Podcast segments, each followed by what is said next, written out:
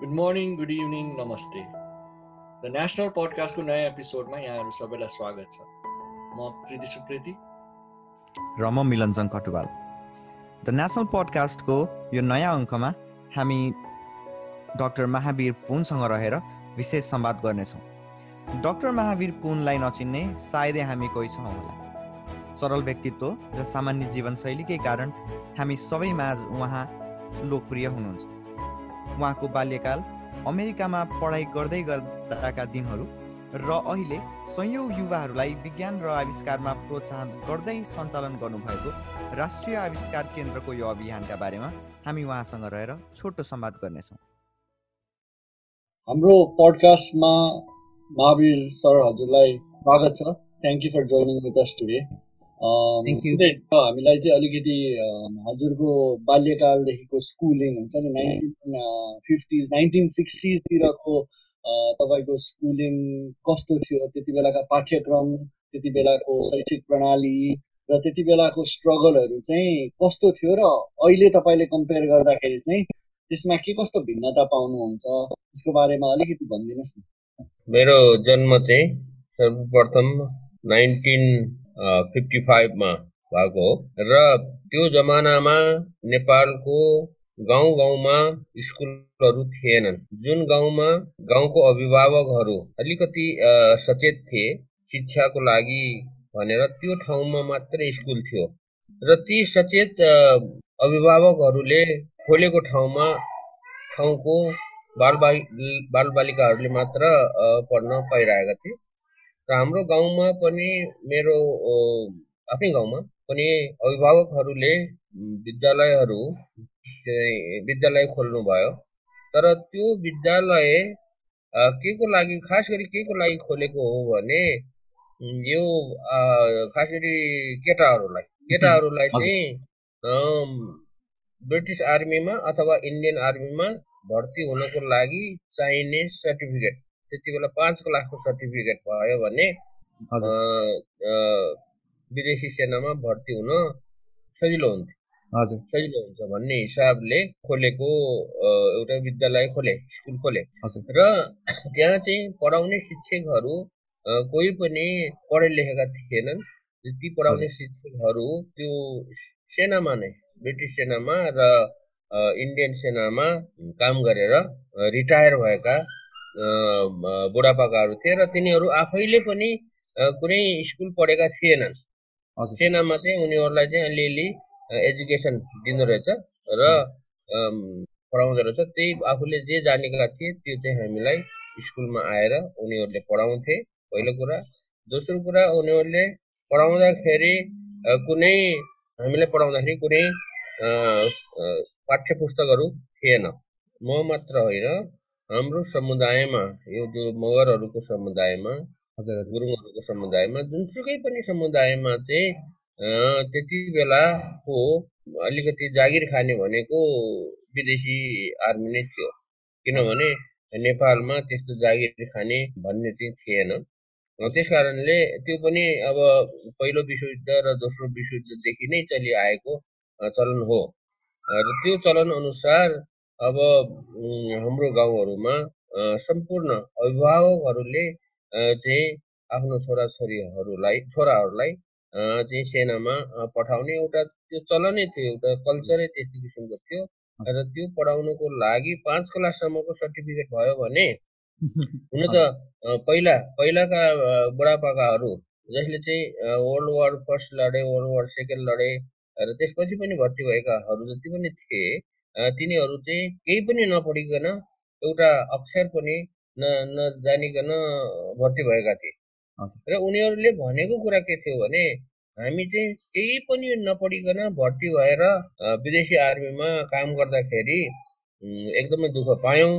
त्यस कारणले अब आउने हाम्रो छोरा छोराहरूलाई सेनामा भर्ती गर्दाखेरि अलिकति उनीहरूलाई चाहिँ पढाएर लेख्न पढ्ने बनाएर भर्ती गरायो भने धेरै सजिलो हुन्छ भन्ने किसिमले चाहिँ उनीहरूले त्यो स्कुल खोलेको हो हाम्रो गाउँ। टेक्स्ट बुक नभएको हुनाले हामी चाहिँ खास गरी दिनभरि उनीहरूले हामीलाई चाहिँ आर्मीमा जस्तै पल्टनमा जस्तै दिनभरि कहिले खेलकुद खेलाउने कहिले चाहिँ पिटी खेलाउने त्यस्तो किसिमको कामहरू गर्थे र आफूले जानेको अक्षरहरू आफूले जानेको कुराहरू पढाउँथे। पढाउँथे भन्दाखेरि पनि सुनाउँथे हामीलाई।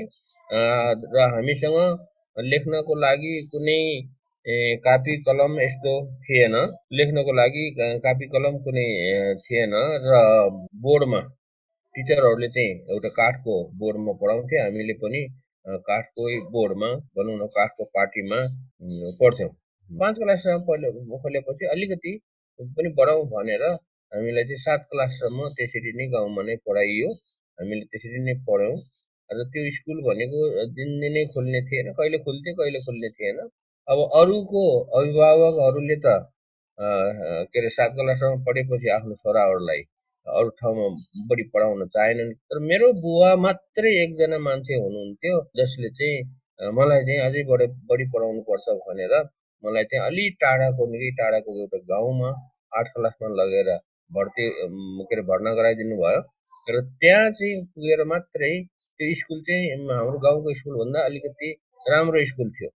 त्यो ठाउँमा चाहिँ शिक्षकहरू पढेले अलिकति पढेका शिक्षकहरू पनि थिए र त्यहाँ पुगेर मात्रै हामीले मैले चाहिँ टेक्स्ट बुक पाएँ र आठ क्लास पास गरिसकेपछि त्यहाँभन्दा बढी पढ्नको लागि चाहिँ बुवाले मलाई बसाइ सराई गरेर बुवा र म चाहिँ चितवनमा आएर चितवनमा चाहिँ नौ र दसमा चाहिँ मैले पढेको हो। यसरी मेरो बाल्यकालको शिक्षा चाहिँ यो हिसाबले चाहिँ अगाडि बढेको हो।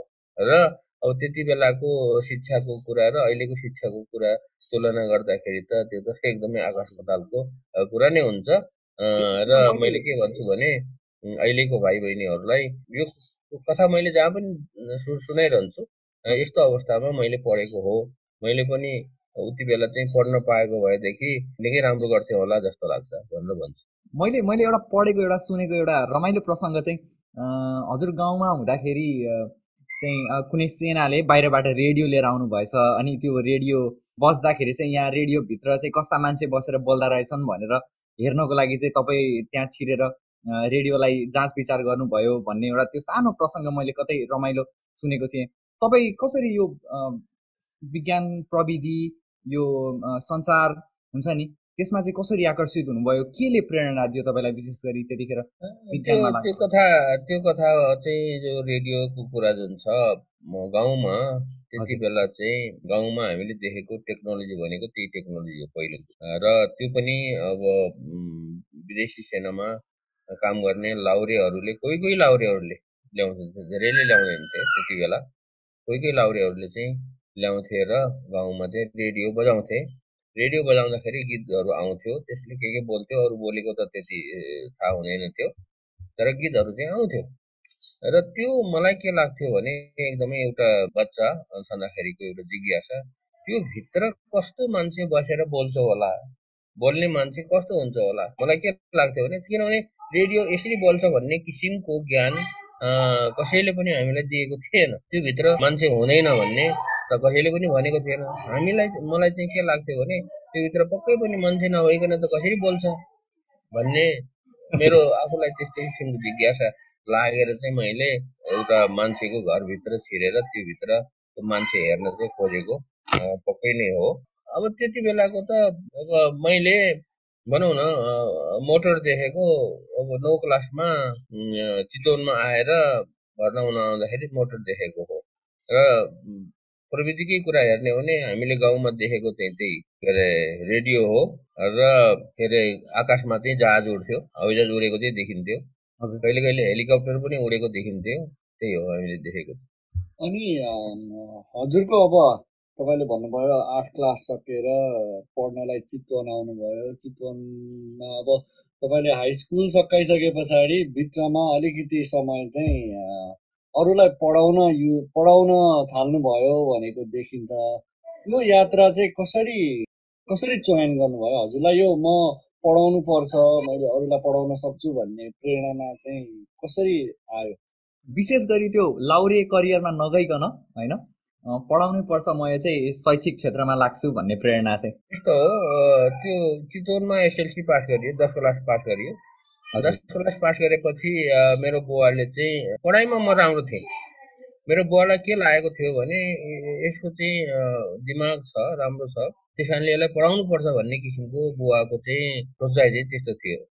र दस क्लास पास गरेपछि बुवाले चाहिँ मलाई काठमाडौँ पठाउनु भयो काठमाडौँमा चाहिँ एघार र बाह्र चाहिँ मैले अमृत साइन्स कलेजबाट पढेँ। मैले विज्ञानको कुराहरू अलिकति पढेको जानेको विज्ञान भनेको के रहेछ कसरी काम गर्दो भन्ने कुरो त्यो एघार र बाह्र क्लासमा पढ्दाखेरि थाहा पाएको कुरा हो। अमृत साइन्स कलेजमा एघार र बाह्र दुई दुई वर्ष पढेर पढिसकेपछि मैले चाहिँ त्यहाँभन्दा अगाडि पढ्न सकिनँ। एघार र बाह्र दुई वर्ष त काठमाडौँमा जसरी तसरी पढियो। तर त्यसपछि ब्याचलर्समा भर्ना हुनको लागि चाहिँ पैसा नभएको हुनाले मैले चाहिँ त्यहाँ नै त्यति नै पढ्ने भनेर म आफैले निर्णय गरेँ। हुन त मेरो बुवाले मलाई चाहिँ अझै पनि अगाडि पढाउनको लागि चाहिँ पढाउँछु भनेर भन्नुभएकै हो। तर म आफैले मानिनँ किनभने घरमा पैसा थिएन खर्च नभएपछि काठमाडौँमा पढ्नको लागि अब त्यतिकै समस्या हुने। त्यस कारणले म आफैले पढ्न मानिनँ। पढ्न नमानेपछि म चाहिँ चितवनमा फर्केँ। चितवनमा गएर चाहिँ अब के गर्ने त? अरू नपढेपछि भनेपछि शिक्षकको रूपमा भर्ना भएँ। र त्यो शिक्षकको रूपमा मैले चाहिँ केही वर्ष होइन बाह्र वर्ष त पुरा काम गरेँ। बाह्र वर्ष पुरा काम गरेर चाहिँ त्यो चितवनको पनि चारवटा स्कुलहरूमा मैले चाहिँ पढाएँ। अब त्यति बेला मैले चितवनको स्कुलहरूमा पढाएको धेरै जसो विद्यार्थीहरू अहिले चाहिँ अमेरिकामा पनि थुप्रै छन्। अमेरिकाको जुन धेरै जसो ठाउँमा जाँदाखेरि मैले त्यति बेला पढाएको विद्यार्थीहरू अमेरिकामा मात्र होइन अरू अरू मुलुकमा बेलायतमा गए भेटिन्छ उता हङकङतिर गए पनि भेटिन्छ जा जापानतिर गए पनि भेटिन्छ र यस्तो किसिमले चाहिँ बाह्र वर्षसम्म मैले पढाएँ। बाह्र वर्षसम्म मैले यसरी स्कुलहरूमा पढाउँदाखेरि मेरो दिमागमा अथवा मेरो सपनामा पनि मैले के देखेको थिएन भने यो जिन्दगीमा चाहिँ मैले कहिले पनि यो कलेज भन्ने चाहिँ पढाउँला पढ्न पाइएला भनेर सपनामा पनि मैले देखेको थिएन। अथवा सोचेकै थिएन। कलेज पढ्ने भन्ने जुन छ पढ्ने समयमा पढ्ने भनेको अठार वर्ष उन्नाइस वर्षको समयमा उन्नाइस बिस वर्षको उमेरमा पढ्न पाइएन। पढ्न नपाएपछि बाह्र वर्ष बिताइयो। बाह्र वर्ष बिताएपछि एकतिस बत्तिस बत्तिस वर्षको भइयो। अब एकतिस बत्तिस वर्षको उमेरसम्म अब चाहिँ कलेज नगएको मान्छे अब कहिले कलेज जान्छ? तर जिन्दगीमा चाहिँ के हुन्छ भने हुने हुन्छ भने मेरो आफ्नो कुरा गर्ने हो भने अनेकौँ मोडहरू आउँछन्। त्यो मोडहरू मध्येमा मैले चाहिँ एकतिस वर्षको उमेरमा बल्ल कलेज पढ्ने भन्ने कुरा चाहिँ एकतिस वर्ष पनि होइन अझै एकतिस वर्ष पुगेर बत्तिस वर्ष लगाइसकेपछि मेरो दिमागमा चाहिँ कलेज पढ्न जाने र त्यो कलेज पनि अमेरिकामा पढ्न जाने भन्ने किसिमको मोड आयो र त्यही मोड अन्तर्गत मैले चाहिँ बत्तिस वर्षको उमेरदेखि यो अमेरिकामा अमेरिकाको विभिन्न युनिभर्सिटीहरूसँग करेस्पोन्ड गर्न थालेँ चिठी पठाउन थालेँ। उनीहरूलाई एडमिसन अफिसहरूमा। त्यो गर्नको लागि चाहिँ मैले काठमाडौँमा साढे एक वर्ष एक वर्ष र भनौँ न छ महिना झन्डै झन्डै दुई वर्ष भने पनि हुन्छ। जति चाहिँ मैले काठमाडौँमा बसेर अमेरिकन युनिभर्सिटिजहरूमा चिठीहरू पठाउँथेँ र त्यो एडमिसनहरू खोजिरहन्थेँ। खास गरी मैले त्यति बेला खोजेको के थियो भने मसँग पैसा थिएन। पैसा नभएपछि स्कलरसिपको लागि चाहिँ मैले अमेरिकाको युनिभर्सिटीहरूलाई रिक्वेस्ट गरेर चिठीहरू लेख्थेँ। तर अधिकांश चिठीहरूमा त्यो स्कलरसिप पाउने। अब बत्तिस वर्षको एउटा बुढो मान्छेले ग्रेजुएट पढ्नको लागि त्यो पनि अरू अरू अरू ब्याकग्राउन्डहरू केही पनि छैन। होइन? को लागि अब स्कलरसिप माग्दाखेरि कसले दिन्छ? कसैले पनि दिँदैन। अनि अर्को कुरो अर्को कुरो त्यति बेला मैले यो टोफल भन्नेको पनि त्यो बत्तिस वर्षको उमेरमा आएर सुनेको हो यो टोफेल भनेको के हो भन्ने कुरो। मलाई चाहिँ खास गरी अमेरिकन लाइब्रेरी छ। त्यति बेला चाहिँ न्यु रोडमा थियो। अहिले पनि छ अमेरिकन लाइब्रेरी भनेर अमेरिकन एम्बेसीले चलाएको। र युनाइटेड स्टेट एजुकेसन फाउन्डेसन अथवा युसिएफ भन्ने पनि छ। त्यो त युसिएफ त मैले पछि थाहा पाएँ।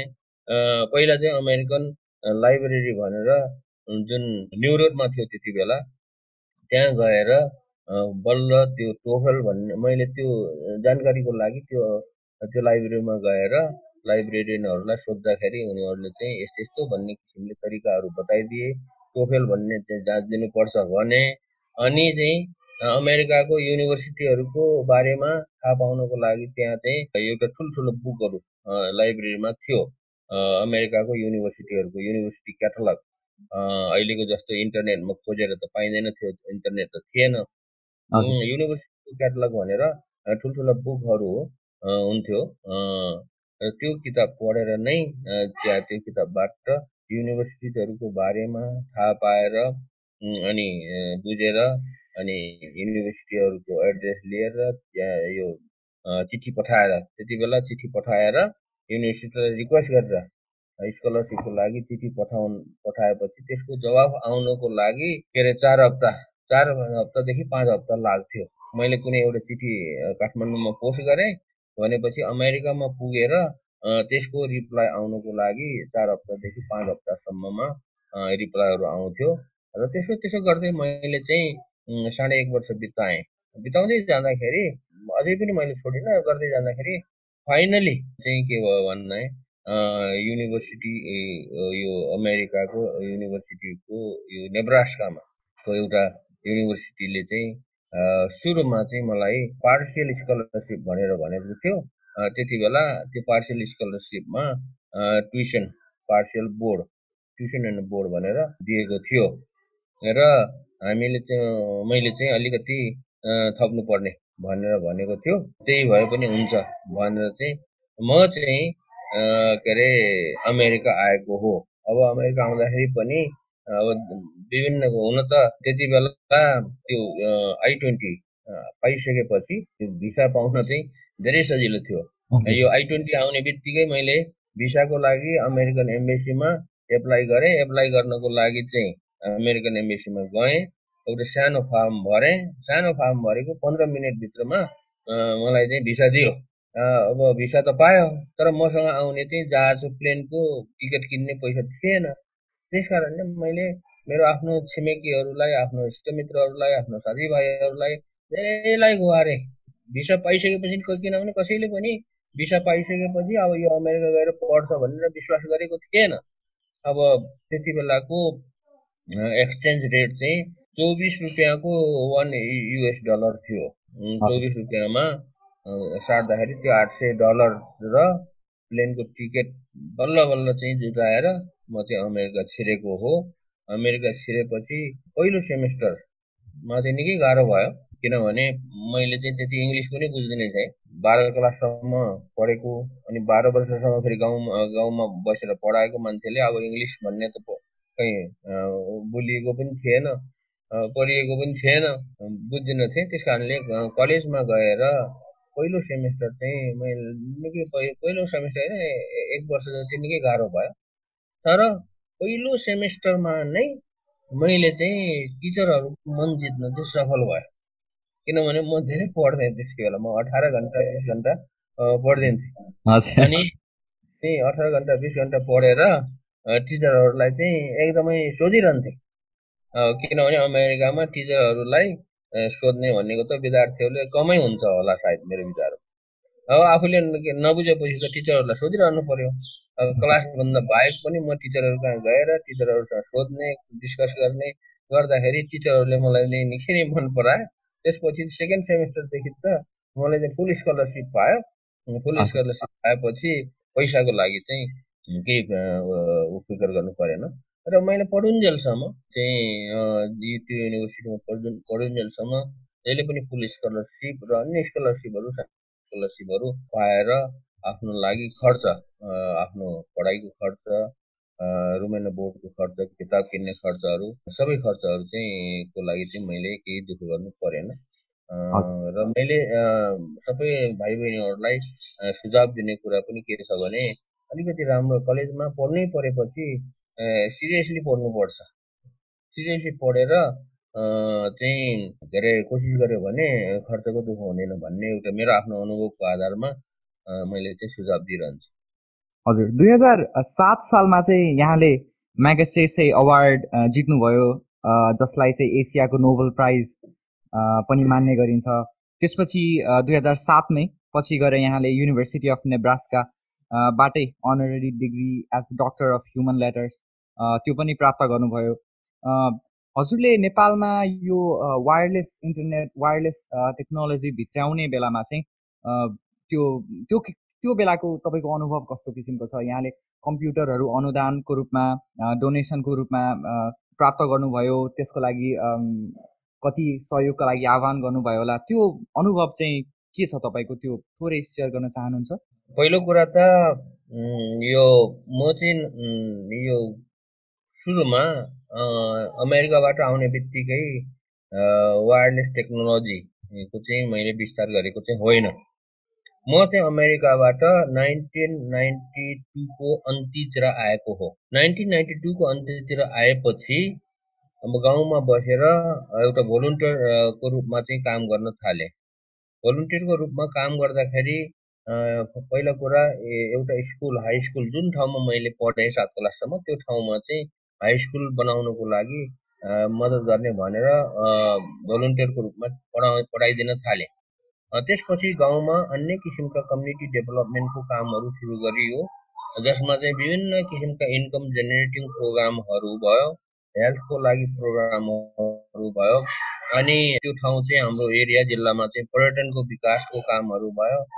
त्यस्तो किसिमको कामहरू गरियो। नेचर कन्जर्भेसनको काम पनि गरियो। नेचर कन्जर्भेसनको काम गरेर रुख बिरुवाहरू लगाउने हरेक वर्ष रुख बिरुवाहरू लगाउने भन्ने कामहरू पनि गरियो। यस्तै किसिमले गरेर काम गर्दै गर्दै जाँदाखेरि नाइन्टिन नाइन्टी थ्रीदेखि अब यो नाइन्टिन नाइन्टी सेभेनसम्म चाहिँ मैले त्यो कामहरू गरेँ। त्यति बेला यो कम्प्युटर भन्ने कुराहरू के अरे ल्याउने चाहिँ मैले सोचेको पनि थिएन। नाइन्टिन नाइन्टी सेभेनको तिर अथवा नाइन्टिन नाइन्टी सिक्सको अन्त्यतिर चाहिँ म चाहिँ फेरि युनिभर्सिटीमा फर्केँ केही महिनाको लागि र युनिभर्सिटीमा फर्केर फेरि टिचरहरूसँग केही कामहरू गरेँ। म त्यति बेला चार महिना बसेको थिएँ अमेरिकामा युनिभर्सिटीमा नै र अलिकति रिसर्च अलिकति रिसर्चको कामहरू गरेँ। गर्दै थिएँ र त्यही क्रममा चाहिँ मैले चाहिँ आफ्नो गाउँको बारेमा वेबसाइट पहिलो वेबसाइट चाहिँ निकालेँ। Nineteen ninety सिक्समा।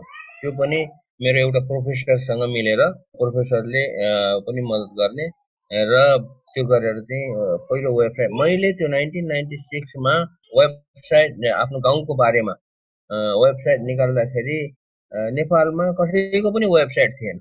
नेपालमा मर्केन्टाइल कम्युनिकेसन भनेर मर्केन्टाइलले एउटा भर्खरै एउटा के अरे वेबसाइट खोलेको थियो। र अरू सरकारी भनौँ न कार्यालयहरू अथवा इभन काठमाडौँ युनिभर्सिटी अथवा कुनै पनि बिजनेस कुनै पनि ट्राभलहरूको कसैको पनि वेबसाइट थिएन। र त्यो चाहिँ नेपालको बारेमा मैले चाहिँ के छ मेरो गाउँको बारेमा मात्र लेखिनँ त्यो वेबसाइटमा। मोस्टली नेपालको इन्फर्मेसनहरू जेनरल इन्फर्मेसनहरू पुरै चाहिँ त्यो वेबसाइटमा राखेको थियो। त्यो वेबसाइट बनाउनलाई मलाई झन्डै दुई दुई महिना जति लागेको थियो मेरो प्रोफेसर र मलाई। उसले र मैले चाहिँ गराउँदा गर्दाखेरि बनाएर एउटा सिम्पल वेबसाइट बनाएर गर्दाखेरि त्यति बेला कसैले यो सर्च इन्जिनमा त्यति बेलाको सर्च इन्जिनमा नेपालको बारेमा खोज्नु सर्च गर्दाखेरि त्यो मेरो वेबसाइट आउँथ्यो क्या। मैले बनाएको वेबसाइट आउँथ्यो। यसरी चाहिँ यो हाम्रो गाउँलाई चाहिँ अब भनौँ विदेशीहरूले पनि थाहा पाउन थाले नेपालको बारेमा इन्फर्मेसनहरू लिन थाले र अब केही कुराहरू सोध्नु पर्यो भने विदेशीहरूले पनि त्यति बेला मलाई इमेल गरेर सोध्थे। अब वेबसाइट बनाएर म चाहिँ त गाउँमा फर्केँ। गाउँमा फर्कँदाखेरि चाहिँ मैले के गरेको गरेँ भनेदेखि त्यहाँको त्यो एउटा रिसाइकल सेन्टरमा गएर त्यहाँको रिसाइकल सेन्टरको मान्छेलाई मैले भने यो पुरानो रिसाइकल गर्नलाई उसले डम्प गरेर राखेको त्यति बेलाको कम्प्युटरको त्यति बेलाको युज कम्प्युटरको मदर बोर्डहरू भयो अन्य पार्ट पूर्जाहरू भयो थुप्रै त्यो डम्प गरेर राखेको थियो रिसाइकलको लागि। मैले त्यही रिसाइकल सेन्टरमा गएर उसलाई चाहिँ रिक्वेस्ट गरेर त्यो कम्प्युटरको पार्ट पूर्जाहरू ल्याएर त्यसलाई चाहिँ टेस्ट गरेर चाहिँ मैले आउनु फर्किँदाखेरि मैले चाहिँ एक सुटकेस एउटा सुटकेस एउटा सुटकेस ठुलो एउटा सानो सानो सुटकेसमा मैले त्यो रिसाइकल सेन्टरबाट त्यति बेलाको कम्प्युटरहरू mostly four eighty six computer भन्छन् त्यति बेला पेन्टिएम वान पनि भर्खर निस्किने थियो तर द्याट वाज भेरी एक्सपेन्सिभ त्यो रिसाइकल भइसकेको थिएन। त्यो फोर एट्टी सिक्स कम्प्युटरको पार्ट पुर्जाहरू सुटकेसभरि मैले ल्याएँ र गाउँमा लगेर चाहिँ त्यो पाठ पूर्जाहरूलाई जोडजाड गरेर यो काठको बाक्समा फिट गरेर अनि मोनिटरको लागि चाहिँ हामीले बजारबाट मोनिटर किन्यौँ।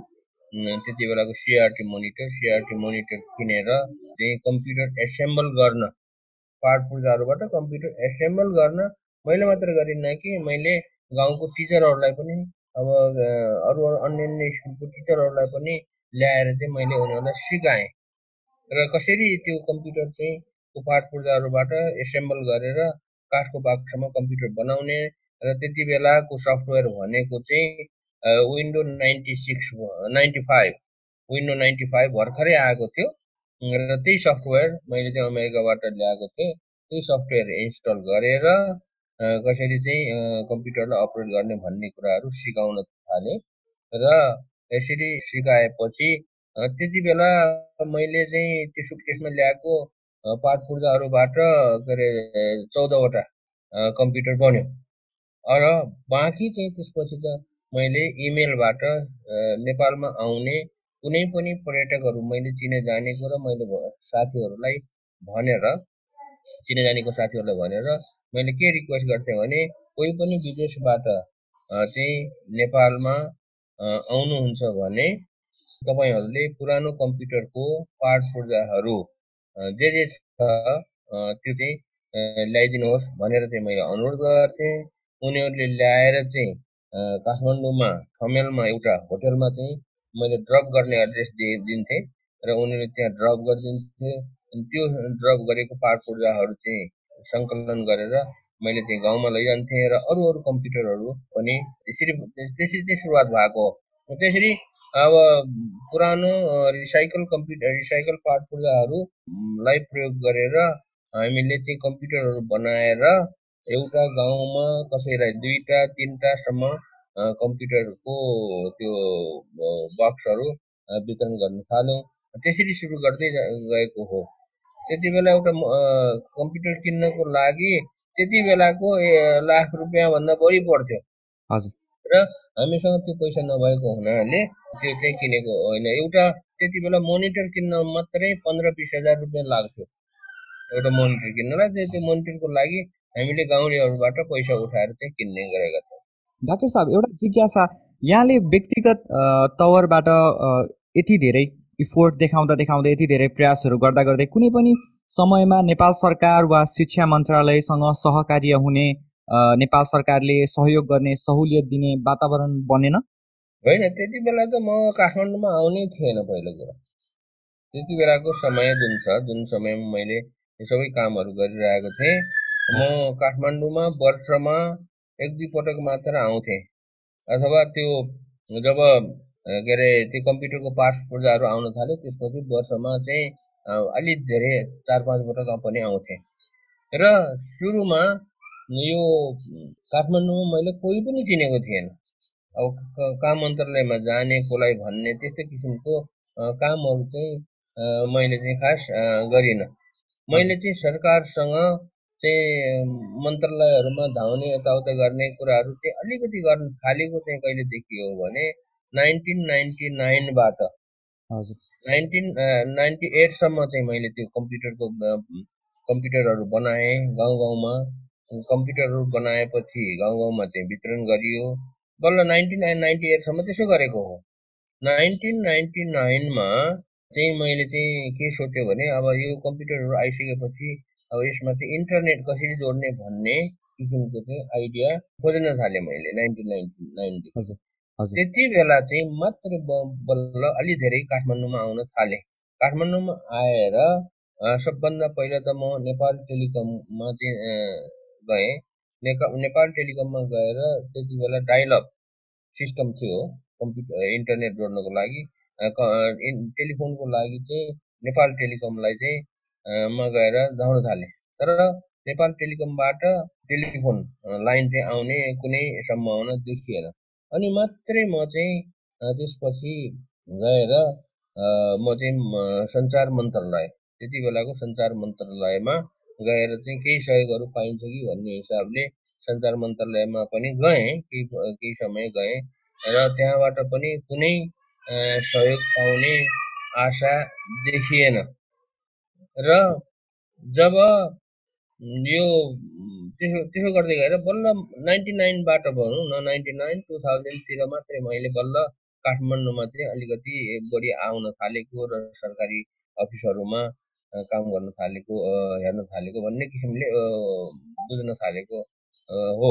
मैले चाहिँ कसै कहिले पनि चाहिँ त्यति बेला पनि यो ठुलो सरकारबाट ठुलो सहयोगको चाहिँ अपेक्षा चाहिँ गरेको होइन। किनभने त्यति बेला भनेको के थियो भने नेपालमा यो राजनैतिक हिसाबले द्वन्द थियो एउटा कन्फ्लिक्ट हुन्थ्यो। इन्सर्जेन्सी माओवादीहरूले गाउँ गाउँमा गरेको इन्सर्जेन्सीको समय थियो। गभर्मेन्ट चाहिँ त्यही कुरामा मात्रै व्यस्त थियो र त्यति बेला गभर्मेन्टले अब गाउँ गाउँमा कुनै किसिमको सहयोग गर्ने भन्ने त पटक्कै थिएन। गाउँले सहयोग गाउँमा गभर्मेन्टले कुनै योजनाहरू पनि सञ्चालन गर्ने र गाउँ गाउँमा सहयोग गर्ने भन्ने किसिमको त्यति वातावरण नै नभएको हुनाले मैले चाहिँ अपेक्षा पनि गरिनँ सरकारसँग। सरकारसँग अपेक्षा गरेको भए तापनि त्यो पाउने चान्स नै थिएन। महावीर सर अहिले चाहिँ यो तपाईँको इनोभेसन सेन्टर जुन छ त्यो अहिले कुन स्थितिमा छ र तपाईँले अब यसको अब फ्युचर चाहिँ कस्तो देख्नुहुन्छ एकचोटि त्यसको बारेमा भनिदिनु। अनि यसमा हामी जस्ता युवाहरू जो छौँ होइन हामीले चाहिँ तपाईँको यो सराहनीय काम जुन छ त्यसमा हामी जस्ता युवाले चाहिँ के कस्तो योगदान गर्न सकिन्छ? यो इनोभेसन सेन्टरको आइडिया मलाई चाहिँ टु थाउजन्ड इलेभेनतिर आएको हो। त्यो भनेको चाहिँ के हो भन्दाखेरि अमेरिकाबाट नेपालमा फर्केर गाउँमा काम गर्न थालेको झन्डै बिस वर्षपछि झन्डै झन्डै बिस वर्षपछि मात्र यो इनोभेसन सेन्टरको सोचाइ चाहिँ मेरो दिमागमा आयो। बिस वर्षसम्म मैले के गरेँ भने गाउँमा चाहिँ विभिन्न किसिमको कम्युनिटी डेभलपमेन्टको काम गरेँ। विभिन्न किसिमको कम्युनिटीहरूलाई सहयोग पुग्ने काम गरेँ। अनि गाउँ गाउँमा अलिकति दुर्गम गाउँहरूमा यो इन्टरनेट लैजाने वायरलेस नेटवर्किङ बनाएर इन्टरनेट लैजाने सहयोग काम गरेँ। यसरी काम गर्दाखेरि मैले झन्डै दुई सयवटा अथवा दुई सयभन्दा अलिकति बढी गाउँहरूमा मैले चाहिँ विभिन्न गाउँहरूमा सोह्रवटा जिल्लाको विभिन्न गाउँहरूमा काम गरेँ। काम गर्दै जाँदाखेरि त्यति बेला मेरो सोचाइ के थियो भने यसरी काम गर्यो भने म जस्तो काम गर्ने अरू पनि छन् सोसियल वर्करहरू छन्। यसरी काम गर्दै गयो भने देश पक्कै पनि राम देश चाहिँ राम्रो हुन्छ। देश चाहिँ अलिकति समृद्धि हुन्छ भन्ने किसिमको सोचाइ चाहिँ मेरो दिमागमा थियो।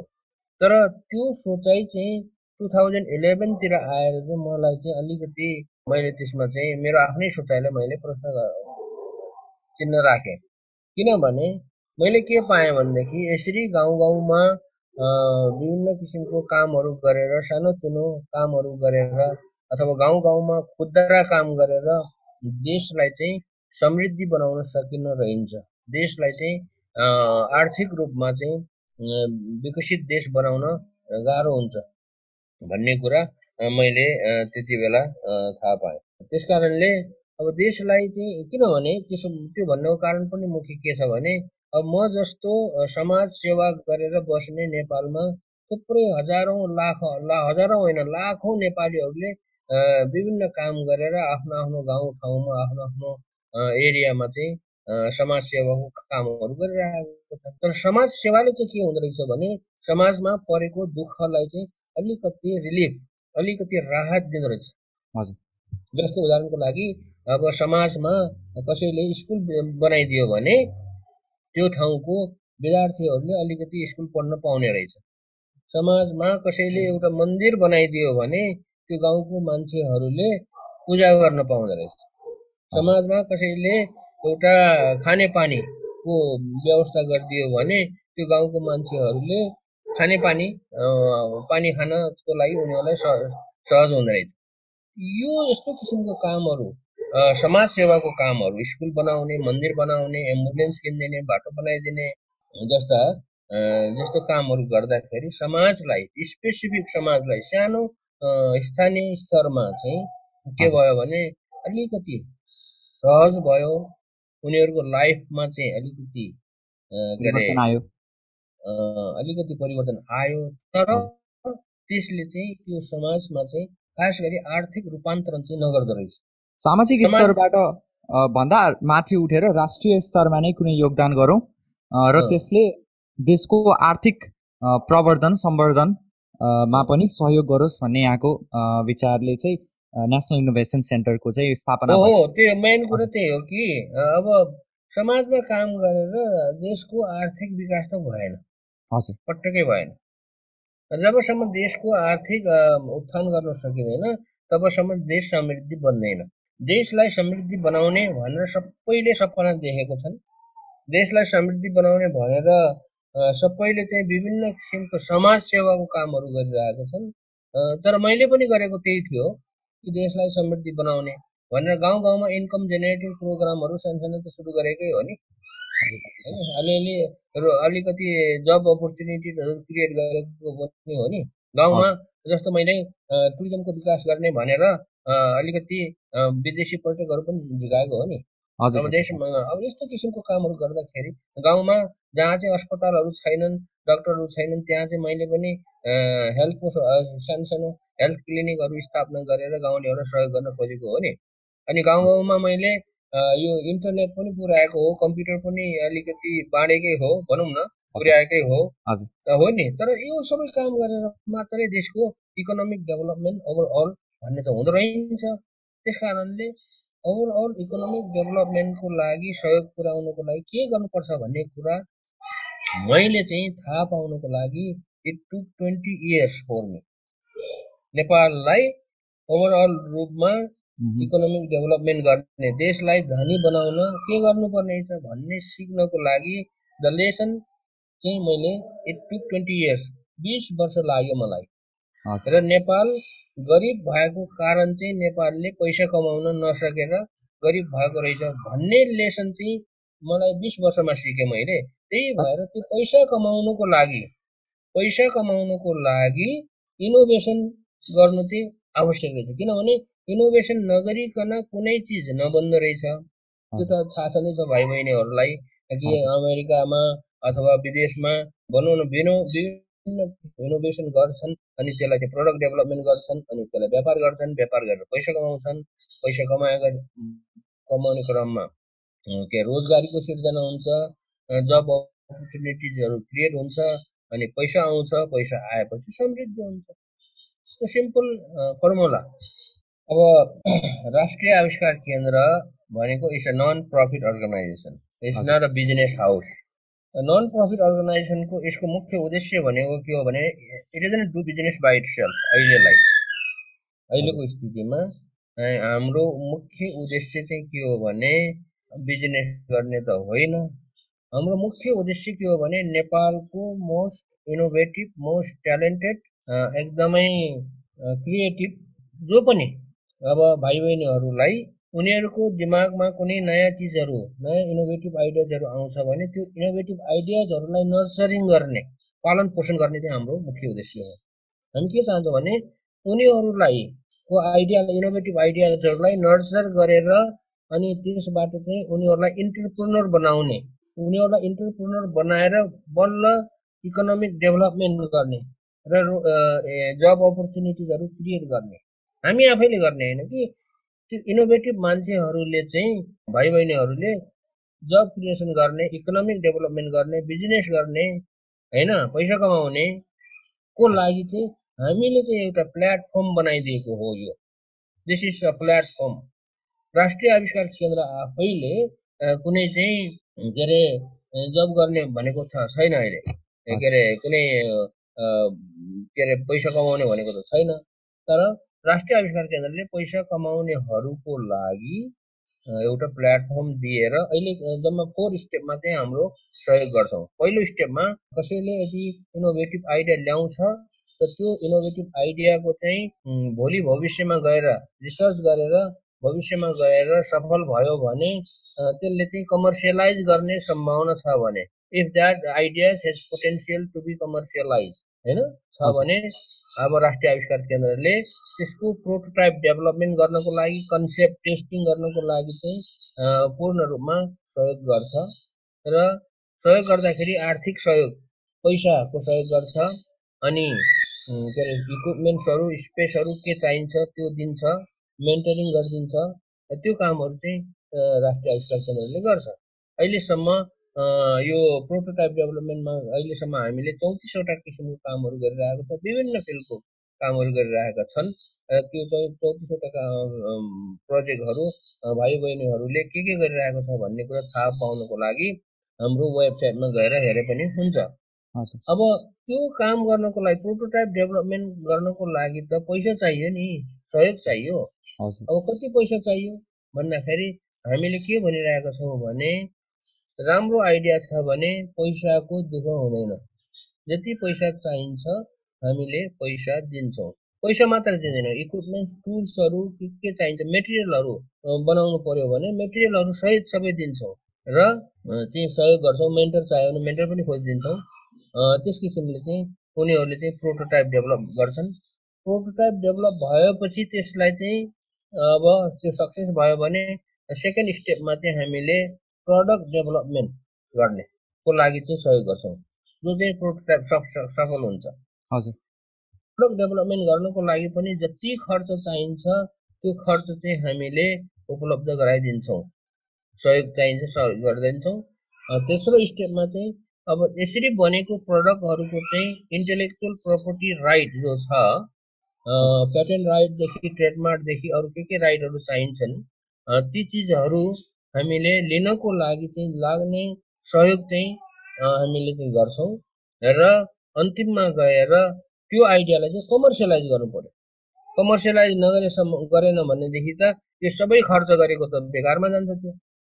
त्यस कारणले कमर्सियलाइज गर्नको लागि इन्भेस्टरहरूसँग चाहिँ हामीले उनीहरूलाई चाहिँ सम्पर्क गराइदिन्छौँ। हामीले इन्भेस्टरहरूलाई भनिरहेका छौँ कि हाम्रो आविष्कार केन्द्रमा यस्तो यस्तो किसिमको चिजहरू बन्न लागिसकेको छ बन्दैछ बन् बन्ला जस्तो छ। त्यस कारणले तपाईँहरू इन्भेस्ट गरिदिनुहोस् यसमा यसलाई चाहिँ कमर्सियलाइज गरिदिनुहोस् भनेर चाहिँ हामीले इन्भेस्टरहरूलाई पनि सहयोग त्यस कारणले यो चाहिँ हामी आफैले पैसा कमाउनु भन्दाखेरि नै अरू भाइ बहिनीहरूलाई इनोभेटिभ भाइ बहिनीहरूलाई चाहिँ पैसा कमाउनको लागि इन्टरप्रेनर बनाउनु बन्नको लागि सहयोग गर्ने हो। अहिलेको जुन चौतिस तेत्तिस चौतिसवटा कामहरू भइरहेको छ त्यो काममा चाहिँ अमेरिकन डलरमा हिसाब गर्ने हो भने एउटा ग्रुपले वान थाउजन्डदेखि लिएर फिफ्टिन ट्वेन्टी थाउजन्डसम्म खर्च गरिरहेको छ डलरसम्म। कसैले one thousand two thousand dollar खर्च गरिरहेको छ कसैले थ्री फोर थाउजन्ड डलर खर्च गरिरहेको छ कसैले फाइभ सिक्स थाउजन्ड डलर पाइरहेको छ कसैले टेन टुवेल्भ फिफ्टिन थाउजन्ड होइन सिक्सटिन सेभेन्टिन थाउजन्डसम्म गरिरहेको छ। हामीले के भनिरहेको छौँ भने डोन्ट वरी हामी यदि चाहिन्छ भने ट्वेन्टी टेन ट्वेन्टी फिफ्टिन होइन थर्टी थाउजन्ड फोर्टी थाउजन्डसम्म यस्तो खर्चहरू विल म्यानेज विल प्रोभाइड तर आइडिया राम्रो हुनु पऱ्यो र काम गर्ने भाइ बहिनीहरूले एकदमै राम्रोसँग काम गर्नु पर्यो गर्छ भने अब त्यो पैसा कहाँबाट ल्याउने त भन्दाखेरि त्यो पैसा it is funded by the people अहिले जो जति पनि पैसाहरू आइरहेको छ is funded by the people it's not funded by the government it's not funded by any भनौँ डोनर एजेन्सिज होइन अब ठुलो कोही बिग डोनर एजेन्सीले फन्डिङ पनि गरेको छैन। अहिलेसम्म हामीले ओभर वान मिलियन रुपिज जति चाहिँ अथवा one million dollar not rupees over one million dollar जति चाहिँ फन्डहरू आइरहेको छ हामीले त्यसैबाट सपोर्ट गरिरहेका छौँ। र यो कोरोनाको लागि मात्रै गएको यो दुई महिनामा हामीले कोरोनाको लागि विभिन्न कामहरू गरिरहेका छौँ अहिले। विभिन्न चाहिँ डिभाइसहरू विभिन्न किसिमको टुल्सहरू बनाएर वितरण गरिरहेका छौँ। फ्रीमा वितरण गरिरहेका छौँ। कसै कसैसँग एक पैसा पनि लिएको छैन। हामी चाहे त्यो प्राइभेट हस्पिटल सोर्स चाहे गभर्मेन्ट हस्पिटल सोर्स जोसुकै होस् सबैलाई चाहिँ फ्रीमा चाहिँ वितरण गरिरहेका छौँ। ओभर वान हन्ड्रेड थाउजन्ड डलरको चाहिँ अहिले हामीले विभिन्न चिजहरू वितरण गरिरहेका छौँ। अब यो पैसा कहाँबाट आयो वान हन्ड्रेड थाउजन्ड डलर भन्दाखेरि is funded by the people general people हामी कसैलाई we don't do any fund raising हामी कहिले पनि कहिले यस्तो फन्ड रेजिङहरू गरिरहेको छैनौँ। हामी सिर्फ के भनिरहेको छैन we are doing such and such thing यस्तो यस्तो कामहरू गरिरहेको छौँ। मात्रै भन्छौँ हामीले र त्यो काम हेरेर हामीले गरेको काम हेरेर जसलाई चित्त बुझ्छ चित्त बुझ्ने मान्छेहरूले हाम्रो ब्याङ्कको खातामा सपोर्ट पैसाहरू जम्मा गरेर राख्छन्। त्यसैले चलिरहेको छ। But this is temporary solution हो हजुर। मैले भनिरहेको कुरा के छ भने यसरी जनताले सधैँभरि फन्डिङ गर्नु सक्दैन। जनताले सधैँभरि फन्डिङ गर्न पनि सक्दैन। जनतासँग सधैँभरि फन्डिङको लागि अपेक्षा गर्न पनि हुँदैन। त्यस कारणले अब यसलाई लङ टर्म सोल्युसन चाहिँ हामीले के खोजिरहेका छौँ भने यो इनोभेसन सेन्टरलाई चाहिँ सस्टेन गर्नको लागि we have there are many other plans धेरै प्लानहरू छन्। र त्यो चाहिँ हामीले के भनिरहेको छौँ within ten years within ten इयर्समा चाहिँ we have to make this innovation centre fully self sustainable बनाउनु पर्छ भनिरहेका छौँ। अब सक्यो भनेदेखि त फाइभ इयरमै बनाए पनि भयो होइन? तर अलिक गाह्रो होला फाइभ इयरमा बनाउनलाई। किनभने अनि अनि यसमा पनि एउटा सानो कुरा मैले फेरि जोड्न चाहेँ। के कुरा भन्दा अहिले पनि जुन किसिमले राष्ट्रिय आविष्कार केन्द्रले कामहरू अगाडि बढाइरहेको छ यो अवस्थामा नेपाल सरकारसँग सहकार्य हुन सक्ने अवस्था किन छैन एउटा प्रश्न थियो। अनि अर्को कुरा जुन जसरी हामीले बनाइरहेको आविष्कारहरू पिपिईहरू जसरी नि शुल्क वितरण हुँदैछ त्यो हुनु त राम्रो हो।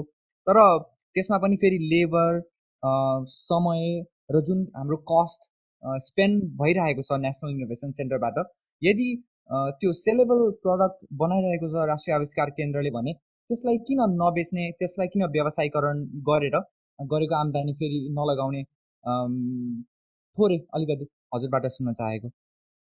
यस्तो कुरा हो। अब सरकारसँग कसरी किन यो कोरोनाकै लागि मात्र नभइकन पहिलेदेखि किन सरकारसँग चाहिँ सहकार्य हुँदैन भएन भन्ने कुराको चाहिँ त्यसको एउटा सर्टकट एकदमै छोटो उत्तर के छ भने सरकारको यस्तो कामहरूमा इन्ट्रेस्ट छैन। सरकारको मात्र होइन कि Nepal in general in general term if I have to tell this नेपालमा यस्तो किसिमको कामहरूलाई सपोर्ट गर्नुपर्छ भन्ने किसिमको संस्कार there is no culture of supporting this kind of activities culture छैन क्या? संस्कार छैन। किनभने नेपालमा रिसर्च एन्ड इनोभेसन गर्नुपर्छ। रिसर्च एन्ड इनोभेसन गरेर निस्किएको प्रोडक्टहरूलाई चाहिँ कमर्सियलाइज गर्नुपर्छ। भन्ने कुरो हाम्रो जिजु बाजेको पालादेखि नै नआएन क्या त्यो चाहिँ।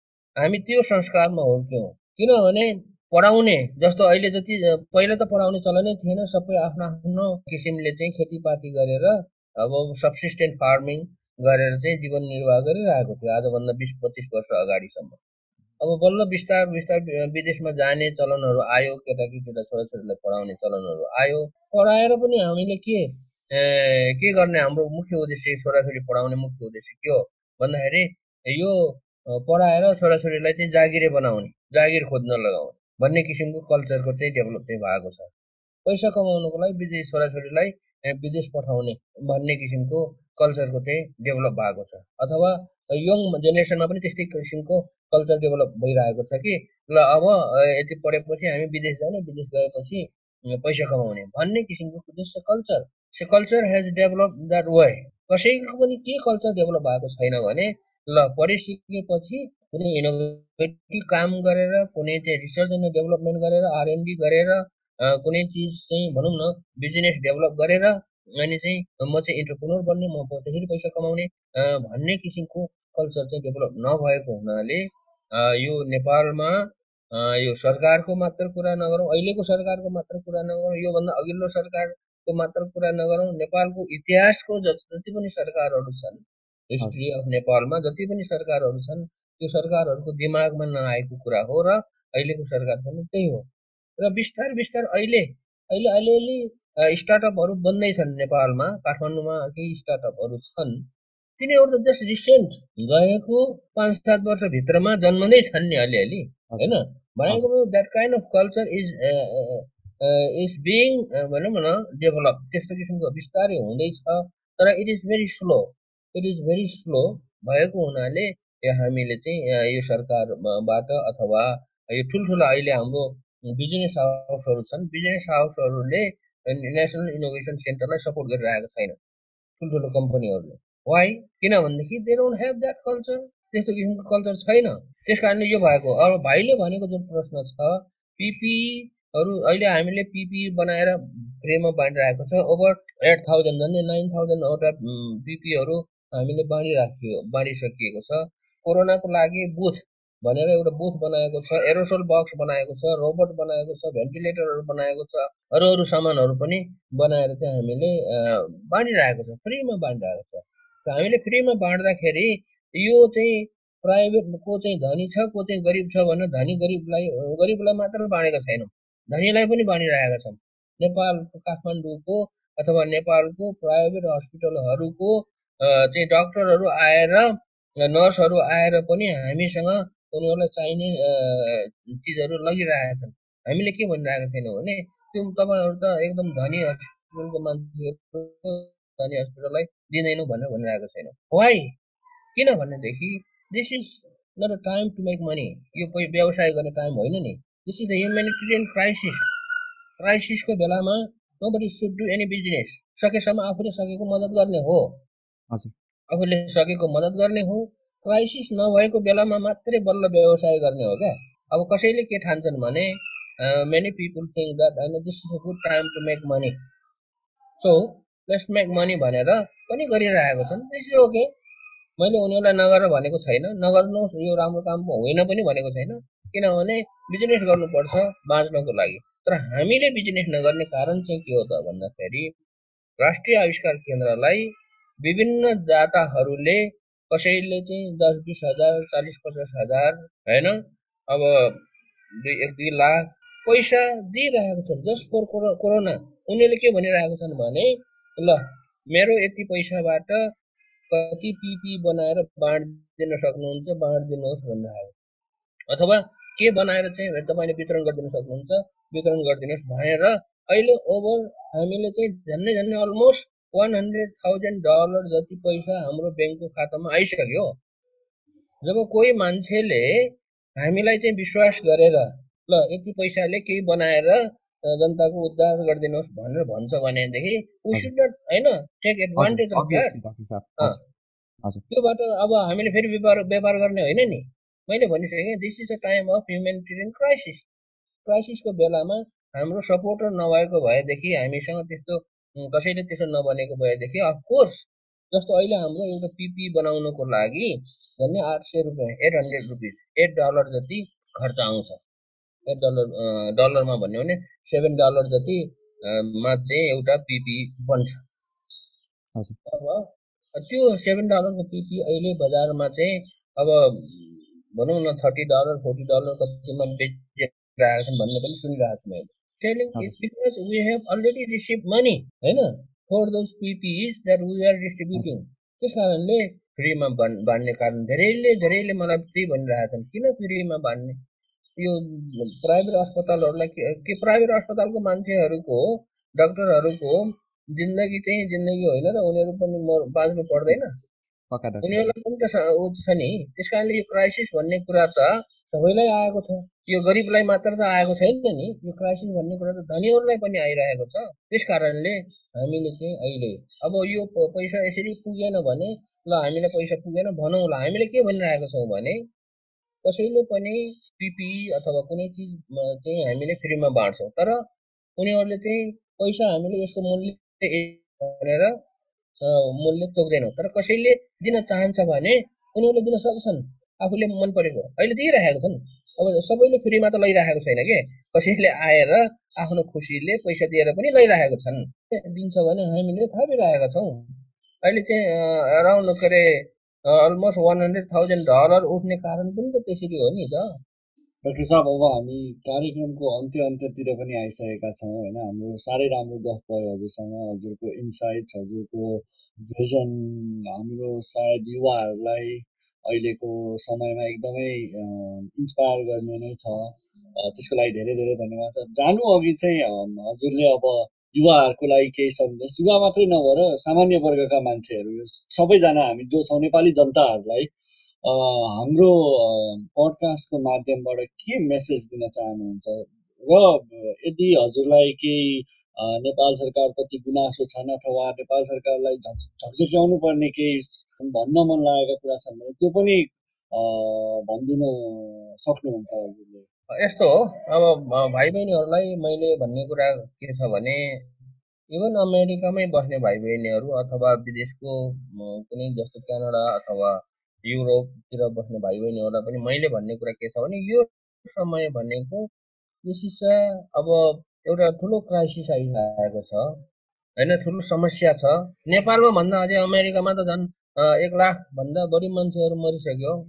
मोर अब त्यहाँ चाहिँ प्रब्लम सिरियस झन् त्यहाँ धेरै समस्या छ। यो कोरोनाको समस्या भनेको। त्यस कारणले यो समयमा यो सङ्कटको समयमा गर्ने भनेको चाहिँ कुरा के हो भने भाइ बहिनीहरू आफै नै पहिलो कुरा सुरक्षित बस्नु पर्यो। अहिले चाहिँ केयरलेस हुनु भएन। अनि सुरक्षित बसेर बाँच्नु पर्यो क्या? सबभन्दा ठुलो कुरा त?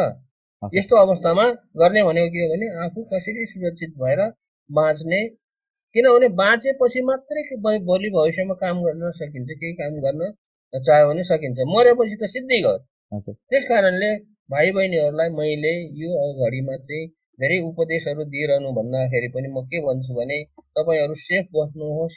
अहिलेको स्थितिमा आफू पनि बाँच्नुहोस् र आफू बाँचेर अरूलाई पनि सकिन्छ भने अब आफूले सकेको विभिन्न तरिकाले सकेको चाहिँ मद्दत गर्नुहोस्। त्यो चाहिँ नेपाललाई नै मद्दत गर्नुपर्ने भन्ने छैन। त्यही पनि त समस्याहरू छन्।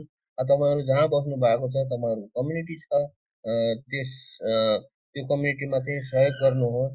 र नेपालतिर केही गर्न चाहनुहुन्छ भनेदेखि पनि म यहाँ छु।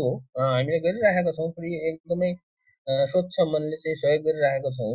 मान्छेहरूलाई मसँग सम्पर्क गर्नुहोस्। मसँग सम्पर्क गर्नुहोस् अथवा राष्ट्रिय आविष्कार केन्द्रसँग सम्पर्क गर्नुहोस् अथवा म जस्तो कामहरू गर्ने अरू पनि छन् त्यहाँ संस्थाहरू छन् अरू अरू संस्थाहरूलाई खोजेर उनीहरूसँग सम्पर्कमा गएर उनीहरूले तपाईँहरूले गर्न सक्ने सहयोगहरू गर्न चाहनुहुन्छ भने नेपालमा गर्न चाहनुहुन्छ भने त्यो पनि गर्नुहोस्।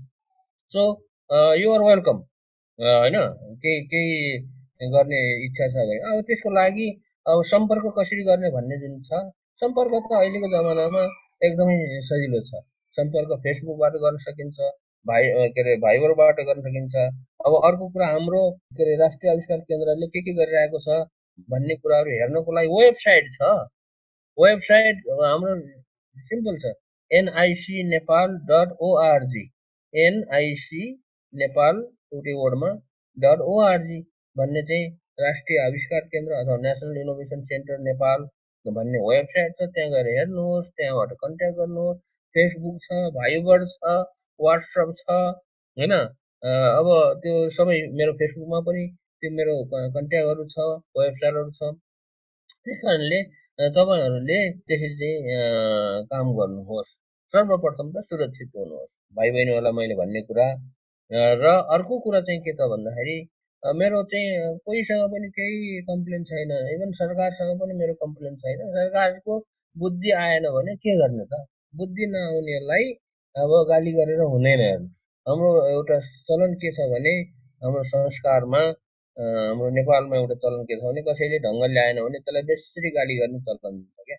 अब ढङ्ग नल्याउनेलाई बेसरी गाली गरेर यदि त्यसले ढङ्ग ल्याउँछ भनेदेखि त गाली गर्नु हुन्थ्यो होइन सबै मिलेर गाली गर्ने हो क्या अब ढङ्गै ल्याउँदैन भने गाली गरेर त्यसको औषधि ढङ्ग नल्याउनेको औषधि भनेको गाली गर्ने होइन। त्यस कारणले अब सरकारले ढङ्ग त्यही नल्याएकै हो।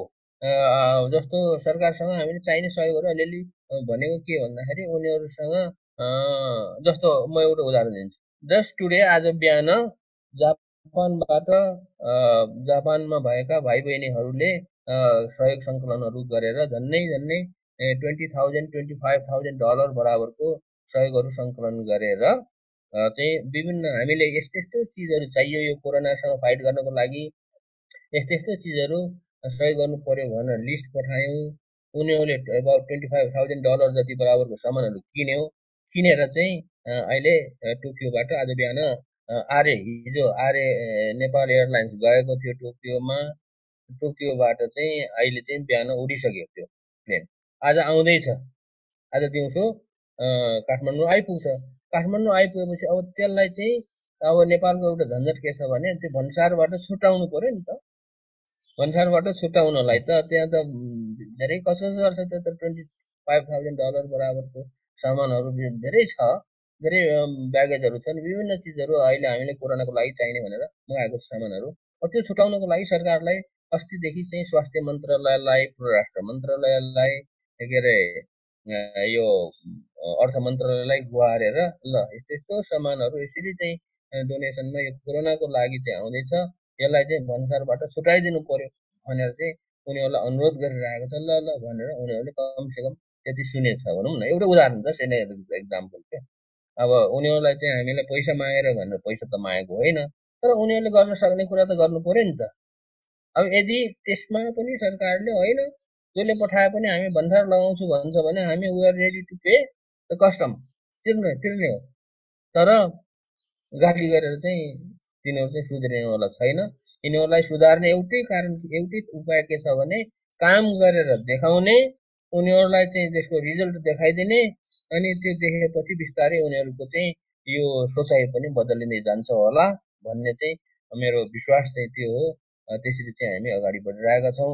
ल आज तपाईँहरूसँग कुराकानी भयो। अलि लामो कुराकानी भयो। गफ पनि निकै भयो। एकदम धेरै रमाइलो कुराकानी भयो। डक्टर साहब कुरा गर्ने अवसर जुर्यो आइदिनु भयो। धेरै धेरै धन्यवाद। समय र संवादका लागि फेरि पनि धन्यवाद भन्न चाहन्छु। ल सबैलाई मेरो पनि एकदमै हृदयदेखि धन्यवाद छ। नेपालबाट। हस् त। धन्यवाद डक्टर साहब। ल। Thank you to all of our listeners for listening to the National Podcast. Be sure to visit our social media platforms to join the conversation and listen to our podcast. Follow us on Facebook at The National Podcast, on Instagram at The National Podcast, on Twitter at The NatPodNep. Thank you.